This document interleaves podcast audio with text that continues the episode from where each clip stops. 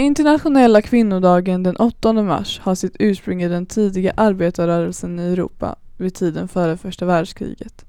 Dagen instiftades 1910 av den socialistiska världsorganisationen Andra internationalen på initiativ av den tyska kommunisten Clara Zetkin.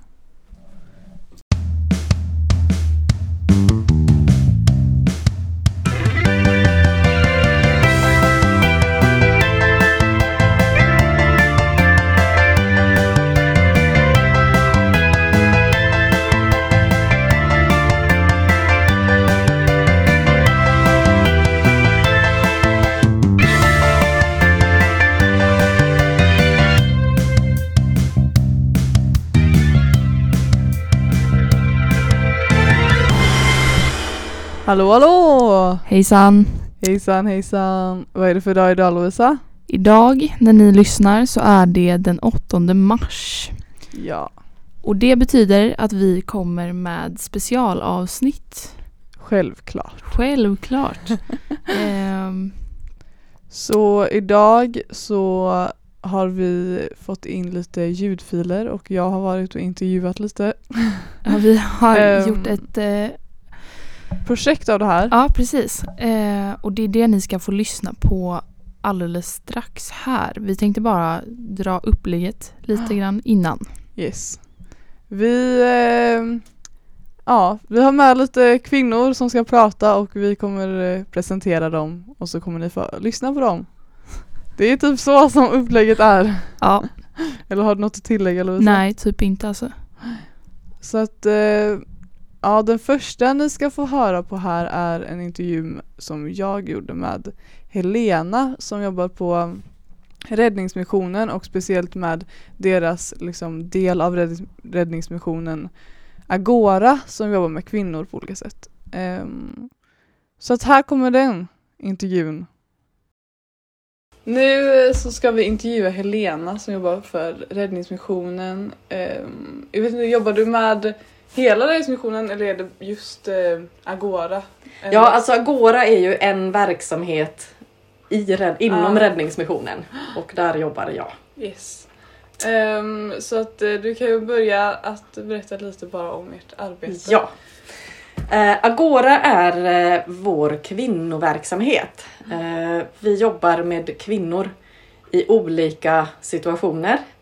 Eh, det är väldigt många olika typer av kvinnor vi möter så det är inte bara, vi jobbar inte bara med en eh, kategori utan vi jobbar med väldigt mycket.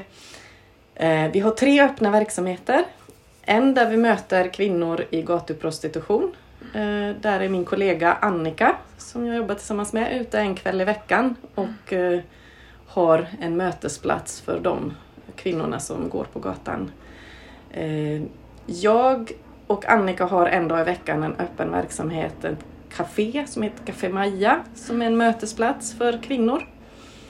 Eh, och sen har vi ett språkcafé på torsdagskvällar som eh, heter Öppet hus och där är den enda verksamhet där vi även möter män. Det är blandat då. Eh, utöver det så möter vi kvinnor i enskilda samtal. Eh, vi är delaktiga i arbetet kring ett skyddat boende som heter RUT där man tar emot kvinnor som eh, har levt i prostitution eller är offer för människohandel. Mm. Eh, och även hedersrelaterade hedersrelaterat våld. Som om man är offer för det så kan man komma till RUT. Och sen har vi också några skyddslägenheter för kvinnor som behöver skydd av olika anledningar. Som vi jobbar med. Och utöver det är jag kurator i en eh, SFI-skola en halvdag i veckan. Så vi har väldigt mycket olika saker vi, vi gör och, och möter väldigt många olika människor i vårt arbete.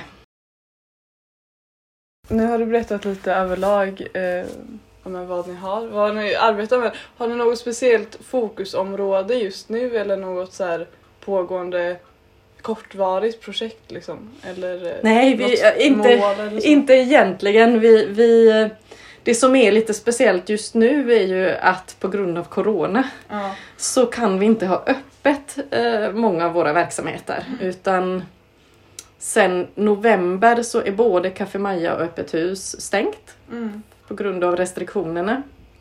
Eh, Och då har vi ju fått eh, göra om lite hur vi tänker eh, kring de verksamheterna och kring vårt arbete. Mm. Så vi försöker att ha kontakt med kvinnor individuellt istället som vi brukar möta i de verksamheterna. Mm. Och kanske träffas utomhus, går promenader, eh, försöker hitta andra sätt att mötas och finnas, finnas kvar helt enkelt. Ja. Men eh, det, är- det är lite speciellt just nu. Eh, och annars är det så att vi, vi har så många olika saker vi håller på med hela tiden och alla känns lika viktiga. Mm. Så att det, det känns inte som att vi har någonting som är liksom mer i fokus än något annat. Nej. Eh, det skulle väl vara vårt, eh, vår mötesplats för kvinnor i prostitution som fortsatt har fått vara öppet Mm. fast Corona är. Vi har haft eh, eh, Räddningsmissionen har haft samtal med eh, smittskyddet eh, och diskuterat hur man ska tänka. Mm. Och där man har sett att de här kvinnorna lever i så pass stor utsatthet så deras utsatthet blir ännu större om vi skulle stänga. Mm. Så där har vi valt att hålla öppet och det, det har varit en bra sak. Försöker man sedan göra det med stor försiktighet och hålla avstånd och så vidare. De möts inne i en kyrka så de har en ganska stor eh, lokal så det är lätt att hålla avstånd och så vidare. Men, men för Mm. många av de kvinnor som kommer dit så är det kanske dagens enda varma måltid de Ja. får där så att det har känts som att det, det är bättre då att hålla öppet. Så, så hela Corona är väl det, det som påverkar Ja. vårt arbete mest just nu. Det blir en Ja, nödsituation. precis. Ja, och sen så eh, vet jag i alla fall att du har jobbat i Räddningsmissionen väldigt länge. Jag vet inte hur länge du har jobbat med eh, Agora just, men jag tänker ifall eh, du kan berätta lite om hur förändringen har sett ut eh, genom åren, ifall ni har haft liksom projekt som ni har avslutat och så, eller byggt Ja, vidare på precis. det. Eh, Eh, just Agora har jag bara jobbat tre år i. Eh, Före det har jag jobbat både med ensamkommande och jag har jobbat i 14 år nästan med eh, missbruk eh, på boende. mm. Så att... Men du tänker kanske främst på Agora. Ja. Ja, jag kan ju berätta lite vem jag själv har varit med så har Agora funnits mer än... Jag har alltså jobbat 21 år på Räddningsmissionen om en månad. Eh, Men eh, Agora har funnits ännu längre än det och det har Mm. sett väldigt olika ut genom åren. Eh, Det har varit Först var det väl bara en mötesplats för kvinnor från olika kulturer. Mm. Och sen blev det en stor integrationsverksamhet som hade arbetsträning och olika kurser och mycket kreativt. De jobbade mycket med dans och konst och, och allt möjligt sånt. Och sen har det och då var det en ganska stor verksamhet. De hade lunchrestaurang och, och hade arbetsträning och där folk fick vara i köket och jobba och så vidare. Och ja, jag vet faktiskt inte allt vad de höll på med då för då jobbade inte jag på Agora. Men sen, eh, sen av olika anledningar så har det krympt och förändrats och nu är vi två anställda som Mm finns i ett litet kontor i Majorna eh, där vi tar emot för samtal och sen har de verksamheter jag berättade om. Ehm, Så det, det har förändrats och det kommer säkert att förändras igen. Mm. Eh, Och så har väl också fokuset förändrats. Eh, Vi jobbade inte tidigare med människohandel och prostitution. Det har tillkommit de senaste kanske fem sex åren.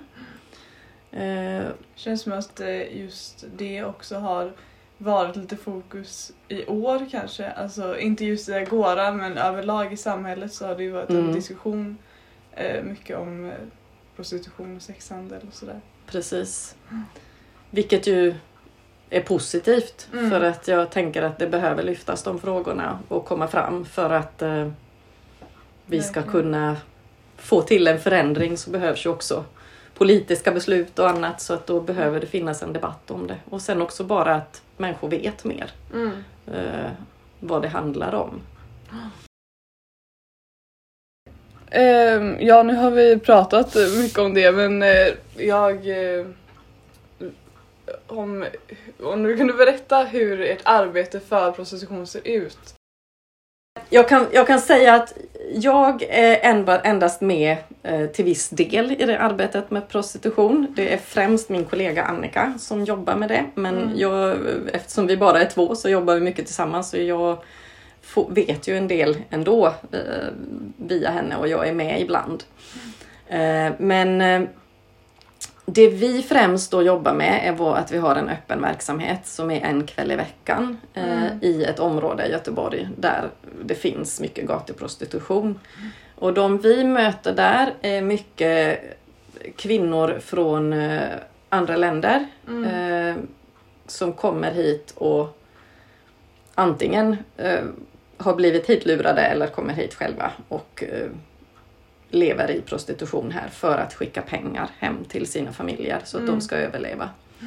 Och det är mycket Rumänien, eh, Bulgarien, eh, de östeuropeiska länderna. Eh, Och de lever ju i en otroligt stor utsatthet. Många av dem har inget boende här. De kanske bor i en bil eller i ett tält eller någonting och så är man ute på nätterna för att få pengar att skicka hem så att ens barn ska kunna gå i skolan. Och då erbjuder vi en, en mötesplats där de kan komma in, få värme, få samtala, få bara få mat, få vara. Ehm, Och vi brukar dela ut kondomer, vi delar ut eh, hygienprodukter, lite filtar och kläder och så. Så det är mycket, och det handlar mycket om för oss relationsbyggande, alltså Mm. att finnas kvar. Och att den dag man vill ha hjälp att ta sig ur det eller vill så, så finns det eh, ett ställe att gå till. Kan då, ni, förlåt, jag- Ja. men kan ni också sk- skicka vidare, alltså ifall ni inte känner att ni har ehm, då, så mycket resurser att ni kan hjälpa den här en kvinna fullt ut liksom att ta sig ur det helt. ehm, eller så kan ni liksom hjälpa den till andra vägar att gå. Då? Absolut och, och det vi, vi, kan ju, vi har ett gott samarbete med Mika-mottagningen som är eh, kommunens eh, mottagning för människor i, eh, som till exempel lever i prostitution Mm. eller annan typ av utsatthet. Ehm, och, ehm, och vi har även det skyddade boendet som skulle kunna vara en trygg plats att landa medan man får en nyorientering och ser vart man, vart man ska gå för att komma vidare. Eh, Så absolut, och vi har även samarbete med andra organisationer. Det finns många organisationer som är ute eh, på kvällarna och då har de också ett nätverk där de har kontakt och stöttar varandra och försöker eh, hjälpa till. Men det är en svår problematik och det är ju oftast att ha- har man en så stor fattigdom och ekonomisk utsatthet så är det inte lätt inte att hitta något ofta finns- alternativ. ja, kanske inte alltid finns något annat. Nej, precis. Att så är det ju. Många ser ju inte att de har... De skulle ju välja bort prostitutionen mm, direkt om de hade den möjligheten. Men för många ser de inte att de har någon annan möjlighet. Mm. Ehm, vi möter inte så mycket de an- andra prostituerade om man säger som kanske finns på nätet eller finns på klubbar eller eh, ehm, och kanske de ja, som finns i lägenhetsbordeller och så vidare. Det, det eh, skulle man veta någon som har, så det man kan göra är ju att försöka uppmuntra den personen att ta kontakt med oss för att komma till samtal. Eller ännu bättre ta kontakt med Mika-mottagningen Mm. som eh, är verkligen experter på det och kan stötta upp och hjälpa. Eh, Men visst, skulle man vilja bolla och prata så eh, går det att ringa oss och, göra det. Men eh, ja. Eh, nu ska vi se, nu har jag nästan gått igenom alla frågor faktiskt. Men ifall du skulle vilja eh, berätta lite eh, mer om, du nämnde Café, Café Maja i början. Eh, vilken inverkan det har fått liksom. Eh, och vad är, vad er agenda med det är? Ja, Nej, men Café Maja eh, är en mötesplats då för kvinnor. eh, Eller de som definierar sig som kvinnor brukar vi säga. Eh, Och Ja, alltså vi, vi har lite, det är lite enkelt. Vi bjuder på fika och så får man bara dyka upp och vara med och så har vi några timmar tillsammans när vi fikar och pratar och har lite olika aktiviteter. Vi brukar göra lite, spela spel tillsammans, se på film, gå promenader, göra lite utflykter. Ehm, ja, öva svenska. Många som kommer till Café Maja kommer från andra länder eh, och behöver lite språkträning. Mm. Men sen tänker vi, så vi tänker att å ena sidan är Café Maja en gemenskap för människor som kanske är ensamma eller behöver ett sammanhang. Men det är också ett sätt att få kontakt med mig och Annika. Eh, många som kommer dit kanske har andra problem de behöver hjälp med och då kan vi eh, hjälpa till, erbjuda samtal. Vi har hjälpt till mycket med myndighetskontakter och kontakter med vården och, och sånt som, kan, som kanske är svårt, inte minst om man inte riktigt har det svenska språket. Och det kan vara en väg in typ, Ja, eh, till att få mer hjälp kanske. ja precis. Så att det, så att, och det, det är jättevarierande för de som kommer eh, till Café Maja. En del kommer bara för att det är en trevlig gemenskap en gång i veckan. Mm. Eh, och, och andra så kanske också behöver mycket annan stöd och hjälp och då kan vi erbjuda det. Så att det och den är, ligger uppe i Lövgärdet i Angered så att då är vi uppe där varje vecka. När vi har öppet, vilket vi inte har nu då. Men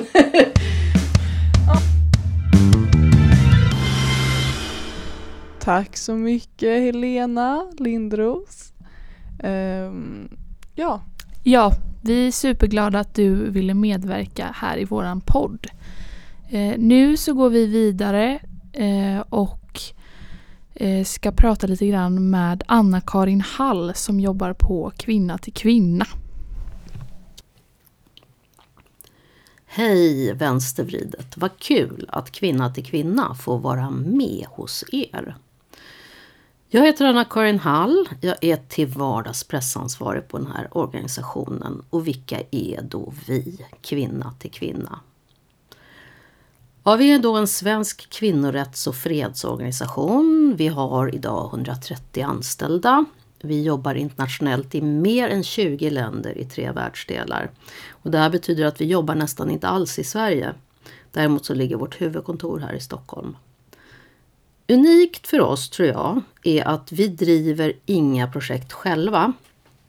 Vi samarbetar istället med kvinnorättsorganisationer som redan finns i de här länderna där vi jobbar. Och vi stödjer då deras projekt. Vi säger alltså inte åt de här kvinnorättsförsvararna vad de ska göra. För vi menar att kvinnorna i de här länderna de vet bäst själva vad de behöver för typ av förändring. Hur startade vi? På 90-talet så pågick krigen på Balkan under många år och då kom det rapporter om fruktansvärda övergrepp på kvinnorna där nere i konflikten. Framförallt handlade det här om massvåldtäkter. Då var det en grupp svenska kvinnor som kände att de absolut måste göra något eh, för att stå upp för de här kvinnorna och motverka den här utvecklingen. Då kallade de till ett möte. Och till det här mötet så kom det bara kvinnor. Därför heter organisationen Kvinna till kvinna. Och den här gruppen av kvinnor då, de började skicka ner sanitetspaket med bindor och hygienprodukter till de här utsatta kvinnorna. Och ehm, med tiden så växte det här initiativet eh, och det blev en organisation och vi började jobba med andra kvinnorättsfrågor i fler länder. Och nu då efter snart tre decennier, då är vi där vi är idag.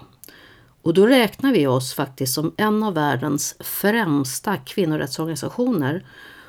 Och då arbetar vi främst i områden där det är eller har varit krig och konflikt. Vi är alltså inte den största kvinnorättsorganisationen, vi brukar säga att vi är en av de främsta på det som just vi gör. Vilka frågor jobbar vi med just nu? Ja, vi då, våra partnerorganisationer, vi gör ju mycket samma sak år efter år. Det är ju det att allt rättighetsarbete tar tid. Jämställdhet uppkommer som bekant inte över en natt. Det handlar om att till exempel stoppa våld mot kvinnor och framförallt stoppa sexuellt våld mot kvinnor i krig och konflikt som de massvåldtäkterna jag berättade om tidigare. Sånt förekommer fortfarande på civila. Och det förekommer också mycket sexuella övergrepp på kvinnor på flykt. Kvinnors hälsa är ett annat stort område. Det är viktigt att det finns tillgång till preventivmedel, sexualrådgivning och mödravård. Att du i barnsäng, alltså under en förlossning, det är ju eh, i många länder fortfarande den vanligaste dödsorsaken för flickor och unga kvinnor.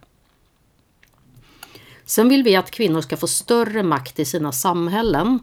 Och då kan det ju röra sig om att försöka få in fler kvinnor i politiken och få in dem i länders parlament och i eh, lokala parlament, typ motsvarigheten till kommunfullmäktige och i byråd. En annan fråga är ju att få stopp på diskriminerande lagstiftning mot kvinnor. I flera länder där vi jobbar så är det ju helt lagligt att stå sin kvinna inom äktenskapet eller att våldta henne inom äktenskapet. Sen kan det vara sånt här att kvinnor inte får ärva sina män eller sina föräldrar. Det får bara männen och sönerna göra. Och kvinnor får heller inte äga ett jordbruk eller jobba inom vissa yrken. Och så kan det ju inte vara. En jätteviktig punkt för oss som har funnits med ända sedan organisationen startade, det är att få in kvinnor i fredsförhandlingar efter en konflikt.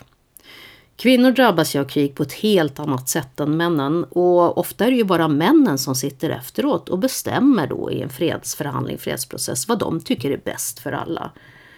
Och det funkar ju sällan för andra grupper i samhället. Vad är största vinsten med vårt arbete hittills? Ja, som jag sa tidigare så är det inte vi som gör jobbet då, utan det är våra partnerorganisationer. Men om man ska nämna några av de segrar som de har uppnått så är det bland annat att eh, stoppa en lagstiftning i Irak som hade inneburit om den hade gått igenom att, att man hade fått gifta sig med en nioåring. Och det här är ju verkligen en extrem form av barnäktenskap. Våra partners de fick också till ett förbud mot barnäktenskap i Palestina. Nu måste man vara 18 år där för att eh, få gifta sig. I Jordanien så fick en kvinna som misshandlats ett skadestånd. Och det här kan ju låta helt alldagligt men det här var alltså första gången någonsin det hände i det landet. Och det var tack vare hårt arbete från en organisation. Liberia så fick de då till slut igenom en lagstiftning som stoppar våld i hemmet. Ja, det är den typen av segrar som kvinna till kvinna partners ofta får fram.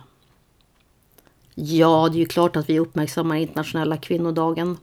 Nu vet ju jag inte riktigt hur mycket reklam jag får göra för vår egen 8 mars-kampanj här i er podd. Då, men vi har ju en månadslång kampanj som lyfter kvinnorättsförsvarare från förr i tiden. Och eh, på något sätt belyser hur vår jämställdhet idag är helt beroende av vad de här modiga kvinnorna lyckades åstadkomma för 50, 100, 200 år sedan. Ingen av oss har väl missat att den svenska demokratin och den kvinnliga rösträtten firar 100 år i år. De som kan och vill kika in på vår hemsida så ser ni den, Facebook eller Instagram för att kolla kampanjen. Ja, med det säger jag tack för att du fick vara med och hej då från oss på Kvinna till Kvinna.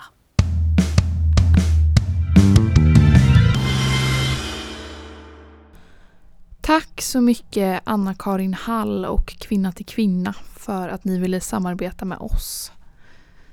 Nu så går vi vidare till nästa segment. Ja, vi har haft lite kontakt med Kvinnohistoria på Instagram men hon hade tyvärr inte hon hann inte skicka in någon ljudfil tills dagen vi spelade in. Eh, men vi tänkte ändå uppmärksamma hennes Instagram för vi tycker att den är väldigt bra. Hon uppmärksammar varje dag någon kvinna eller någonting som har hänt den dagen. Eh, så att vi har valt ut varsin kvinna att uppmärksamma. Lovisa, vill du börja? Ja, det kan jag absolut göra.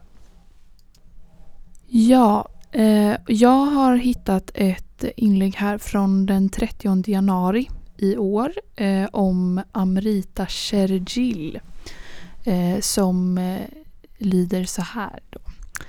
Eh, 30 januari 1913 föddes indiska konstnären Amrita Shergill en av de indiska konstnärsvärldens mest framstående kvinnor, ofta jämförd med Frida Kahlo.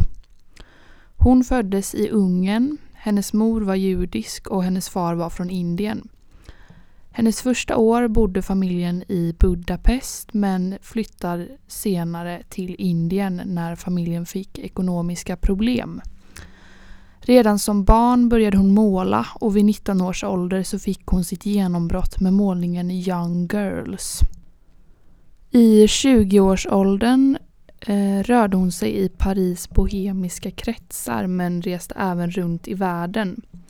Hon hämtade inspiration från de tidiga expressionisterna men även från indiska folkmotiv. Vid 28 års ålder, några dagar innan hennes första stora soloutställning skulle öppna i Lahore, så blev hon allvarligt sjuk och dog kort därefter. Och detta inlägget kommer vi såklart att eh, dela på vårt Instagramkonto så att ni själva kan läsa. 4 februari 1981 blev Gro Harlem Brund Brundtland statsminister i Norge för första gången. Hon blev därmed Norges och Nordens, Nordens första kvinnliga statsminister. Hon hade tidigare varit miljöminister i den norska regeringen 1974 till 1979. I oktober 1981 förlorade Arbeid Arbeiderpartiet valet men Gro Harlem Brundtland återkom som statsminister i ytterligare två perioder 1986 till 1989 och 1990 till 1996. Ja. Ja. Tack så mycket Kvinnohistoria för att du lät oss läsa upp dina inlägg.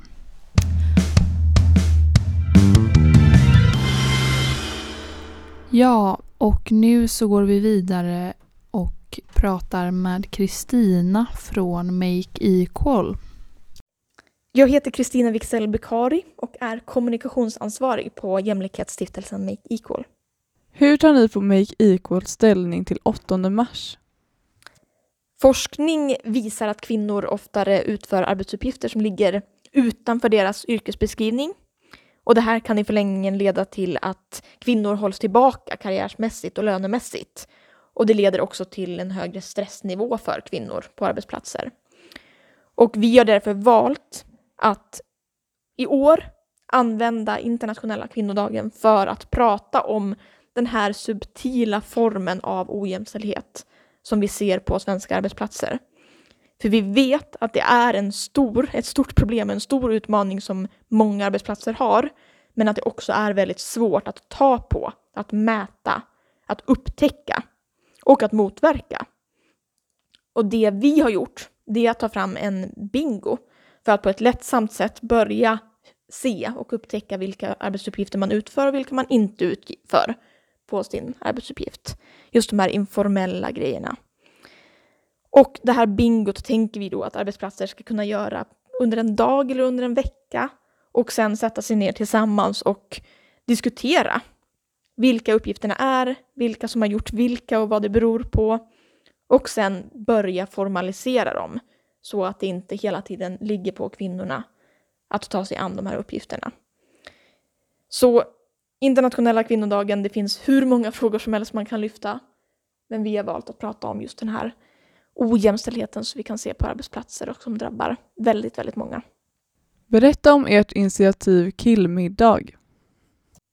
I början av 2016 pågick en debatt om sexuella övergrepp i det offentliga rummet debatten utgick väldigt mycket från ett fall i Köln i Tyskland och ett fall på We Are Stockholm-festivalen. Där det då kom vittnesmål om som män som i grupp hade omringat tjejer för att sexuellt eh, trakassera eller begå övergrepp helt enkelt. Och den här debatten tog väldigt många svängar och man försökte peka ut särskilda män som skyldiga. Och Make Equal tog den här, det här tillfället i akt att prata om manlighet, machonormer, maskulinitet som den gemensamma nämnaren. För det är det enda vi säkert kan säga om de här exemplen, att det är män som är övervägande majoritet i de som utsätter andra för sexuella övergrepp.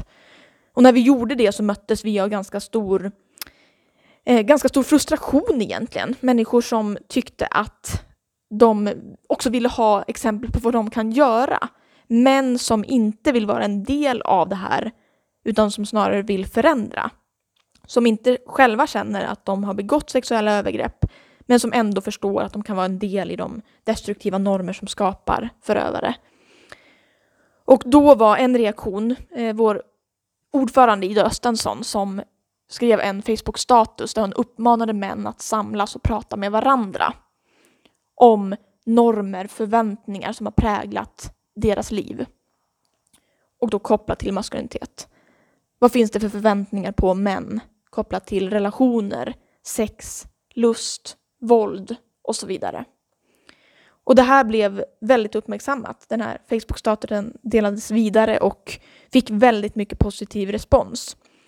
Så då passade vi på att ta in material från ett projekt som vi hade då, Fatta man, tillsammans med organisationen Män och tillsammans med Fatta. Och byggde sidan Killmiddag. Som sedan dess har vuxit.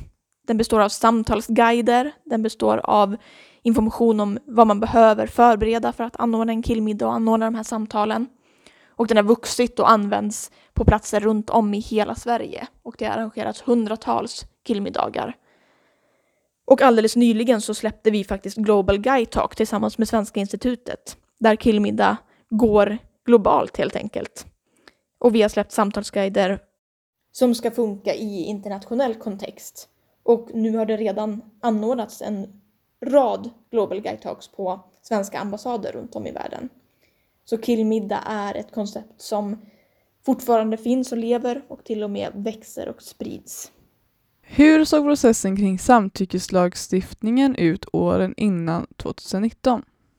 Den svenska samtyckeslagstiftningen är ett resultat av eh, många års slit av många, många aktörer. Såväl inom politiken som civilsamhället.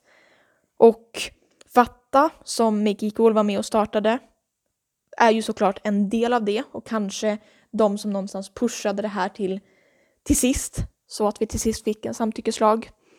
Men Fattas styrka var också att vi samlade många aktörer. Vi samlade all expertis från kvinnojourerna, allierade i de politiska partierna, jurister med expertis, alla som på något sätt har uppmärksammat den här frågan. För att skapa en opinion.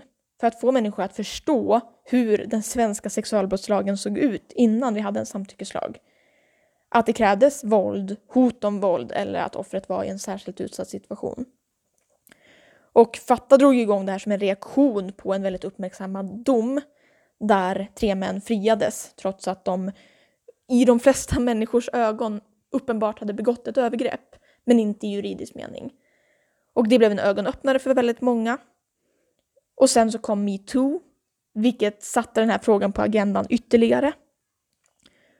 Och det här blev en utredning, de politiska partierna kom överens, vände, på grund av att de också förstod att det fanns stora brister i sexualbrottslagen. Och sen så fick vi då en samtyckeslag som ett förslag som röstades igenom i riksdagen. Och idag så är det svårt att förstå var i motståndet låg och alla de missförstånd och myter som cirkulerade. Och det var ju från allt ifrån politiker till jurister som menade att det skulle bli omvänd bevisbörda eller liknande. Allt som sen har bevisats att det, det inte stämmer. Det fanns inget fog för den kritiken. Och nu vet vi att det till och med har lett till fler fällande domar. Det kommer leda till en normförändring. Det vet vi att det redan också har gjort. Nu när det dessutom kommer vägas in i sexualundervisningen, samtycke kommer bli en viktig del i det. Men det har också påverkat rättsväsendet och hur man dömer och vilka, vilka handlingar som ses som olagliga. Och det är svårt att sammanfatta den enorma kamp som, som fanns där i bakgrunden, men en viktig person att lyfta är ju Madeleine Leijonhufvud som var professor emerentia i straffrätt och som långt innan det här blev en fråga som allmänheten förstod och pratade om, drev det här och som dessutom gjorde en utredning eh, för Miljöpartiet. Långt innan det, de alla andra partierna var intresserade av den här frågan och tyckte att den var viktig. Så en, en mångårig kamp som såklart inte är över, men just samtyckeslagen är ju någonting som vi kan fira den internationella kvinnodagen tycker jag.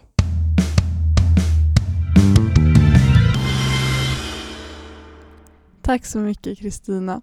Nu ska vi lyssna till Tova Forsberg ifrån Fatta.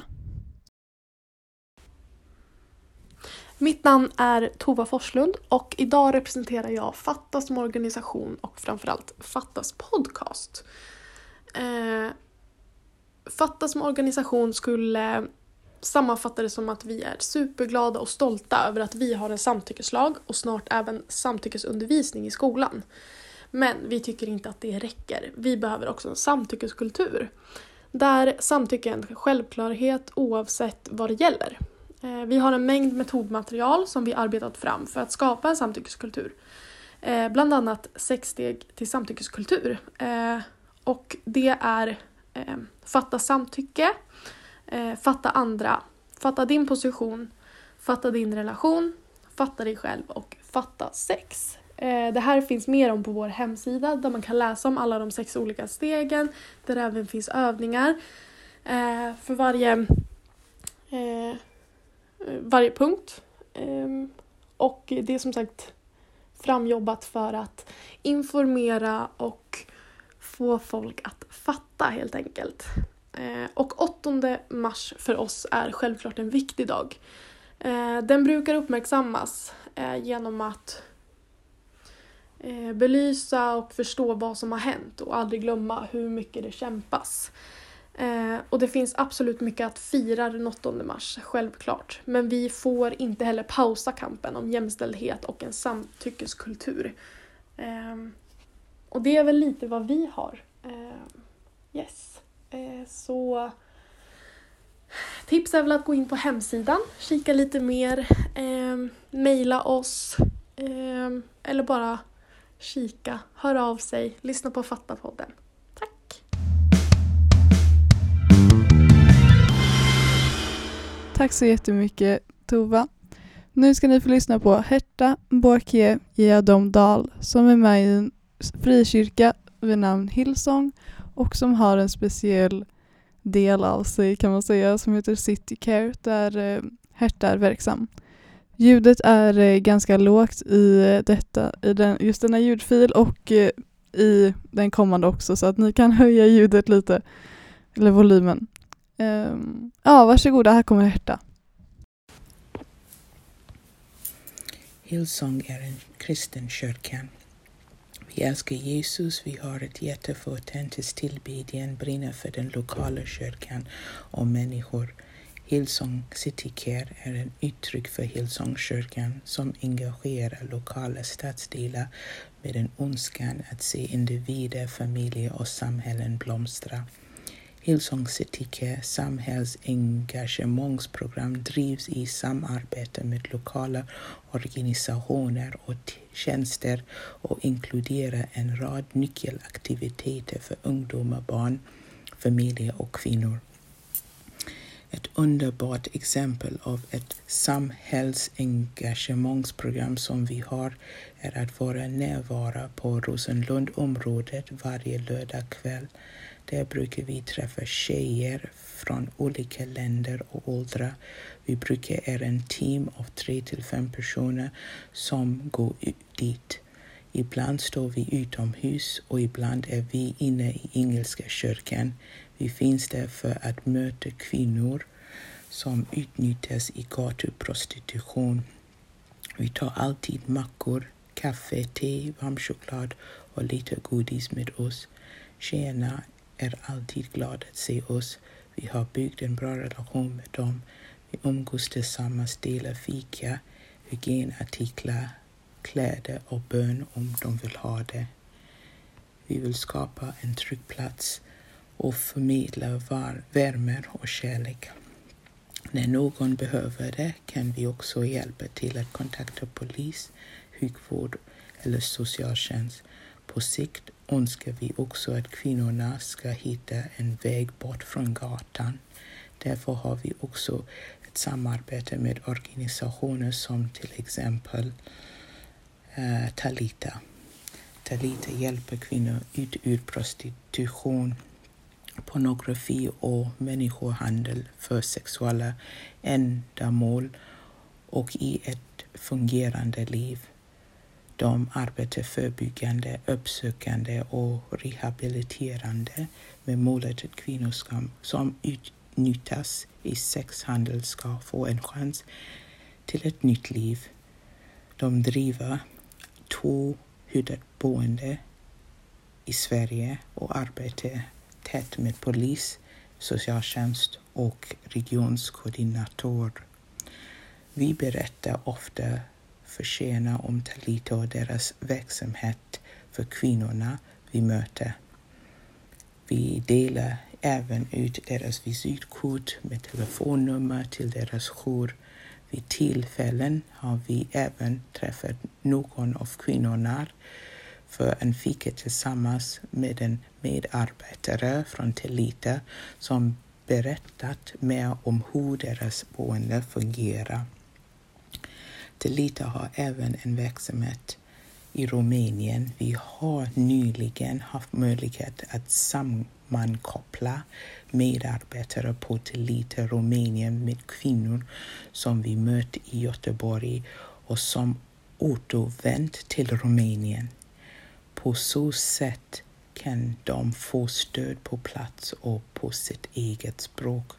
Många kvinnor vill hitta möjlighet att försörja sig i Rumänien då de har sin familj och sina barn där.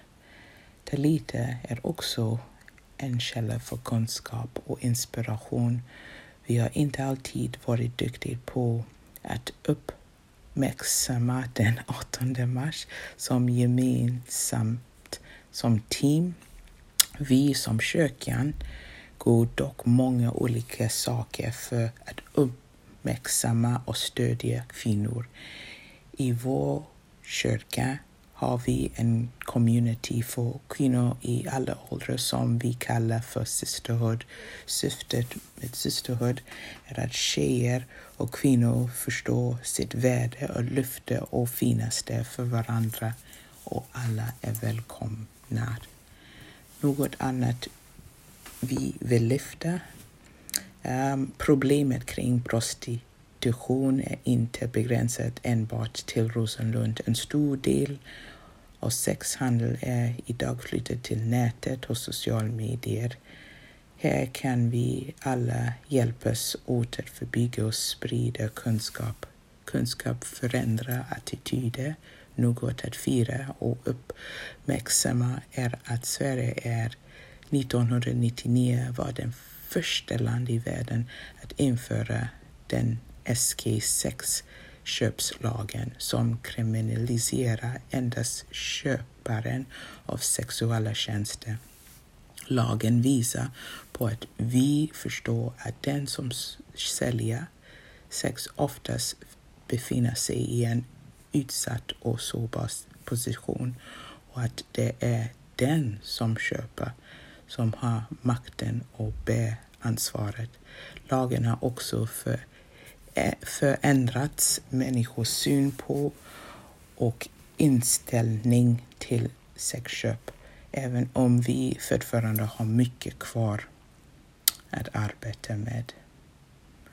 De här kvinnor som vi träffas på Rosenlund har mycket kärlek och det är en ära och en förmån att komma ut varje lördagkväll och umgås och, och prata med dem vi vill vara där med dem, vi vill stödja dem och hjälpa dem ut ur prostitu prostitution.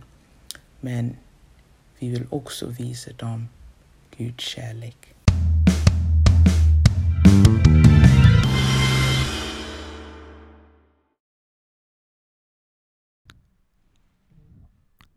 Tack så jättemycket Herta. Nu kommer Leila Smailovic från Lex Femme. Och som jag sa innan så är ljudet även rätt så lågt i denna ljudfil så att ni kan öka volymen lite om ni vill. Här kommer Leila. Vi på Lex Femme är en ideell tjej och kvinnojour som arbetar för ett samhälle fritt från mäns våld mot flickor och kvinnor. Vi finns i Göteborg.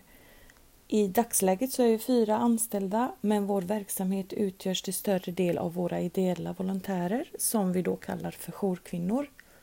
Vi erbjuder gratis stöd och juridisk rådgivning till kvinnor från hela Sverige.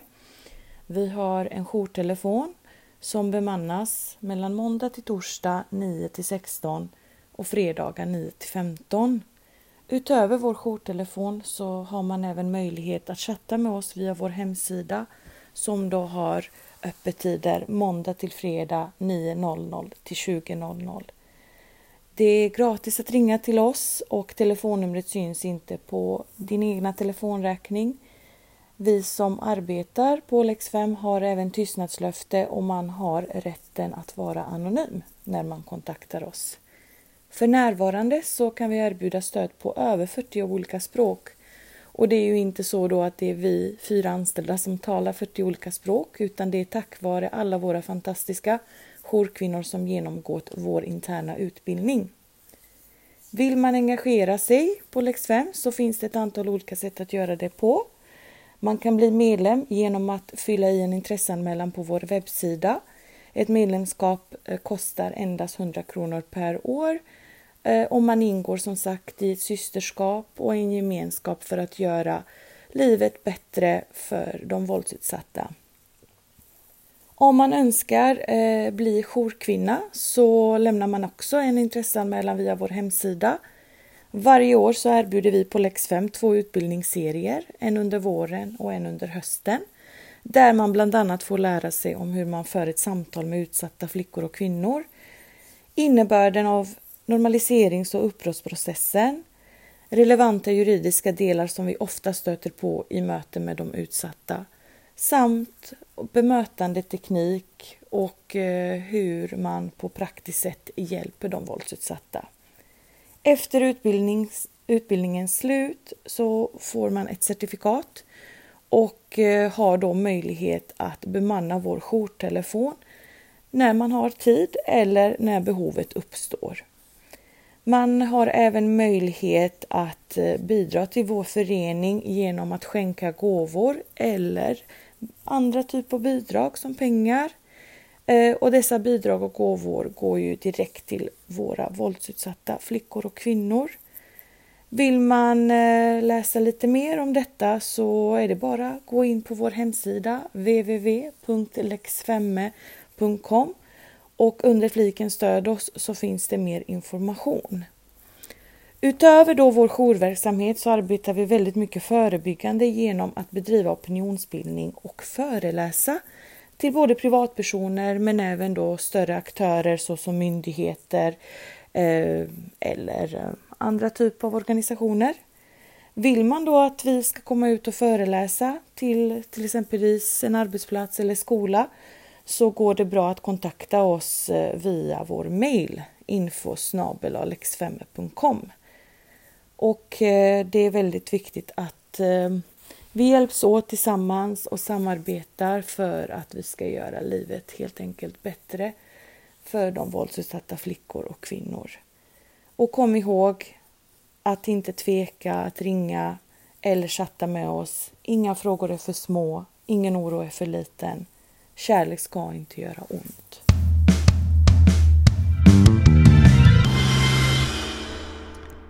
Tack så mycket till alla er som har medverkat i denna podd. Um, ja, vi är jätteglada att det var så många som ställde upp på det här. Ja, verkligen. Det känns ju jätte, jätteroligt tycker jag. Mm. Um, och jag tänker också att det eh, är väldigt bra att våra lyssnare eh, kommer att få ta del av den här informationen.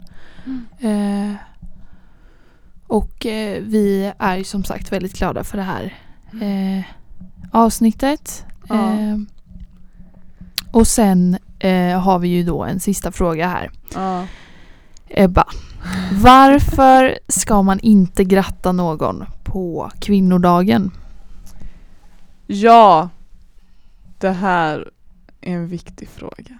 För att jag, jag känner att den här frågan, eller den här frågan, den här grejen att gratta folk Det liksom beskriver hur du ser på 8 mars. Ifall du går runt och grattar kvinnor på 8 mars så ser du inte 8 mars som en kampdag eh, som det är. För att man skulle aldrig gratta en eh, kvinna för att vara en kvinna.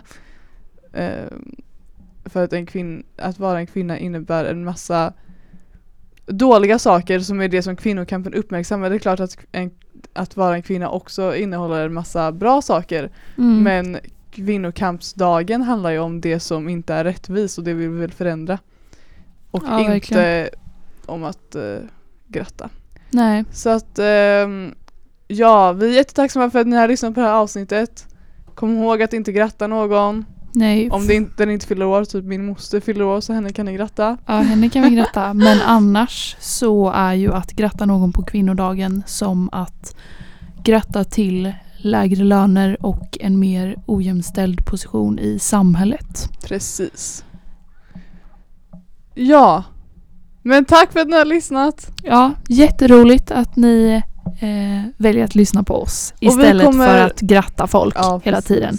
Och vi kommer självklart att hänvisa till alla organisationers Instagrams och hemsidor på Vänstervridets Instagram, vänster eller vanster eller vänstervridet heter vi där. Vanstervridet. Så gå in där och eh, ja, men, eh, ge oss lite respons på det här avsnittet hörni. Vi har ändå lagt lite tid på det. Ja, Vi hörs tack så mycket. imorgon. Och nästa vecka. Ja. Puss och kram! Puss på er. Hej hej.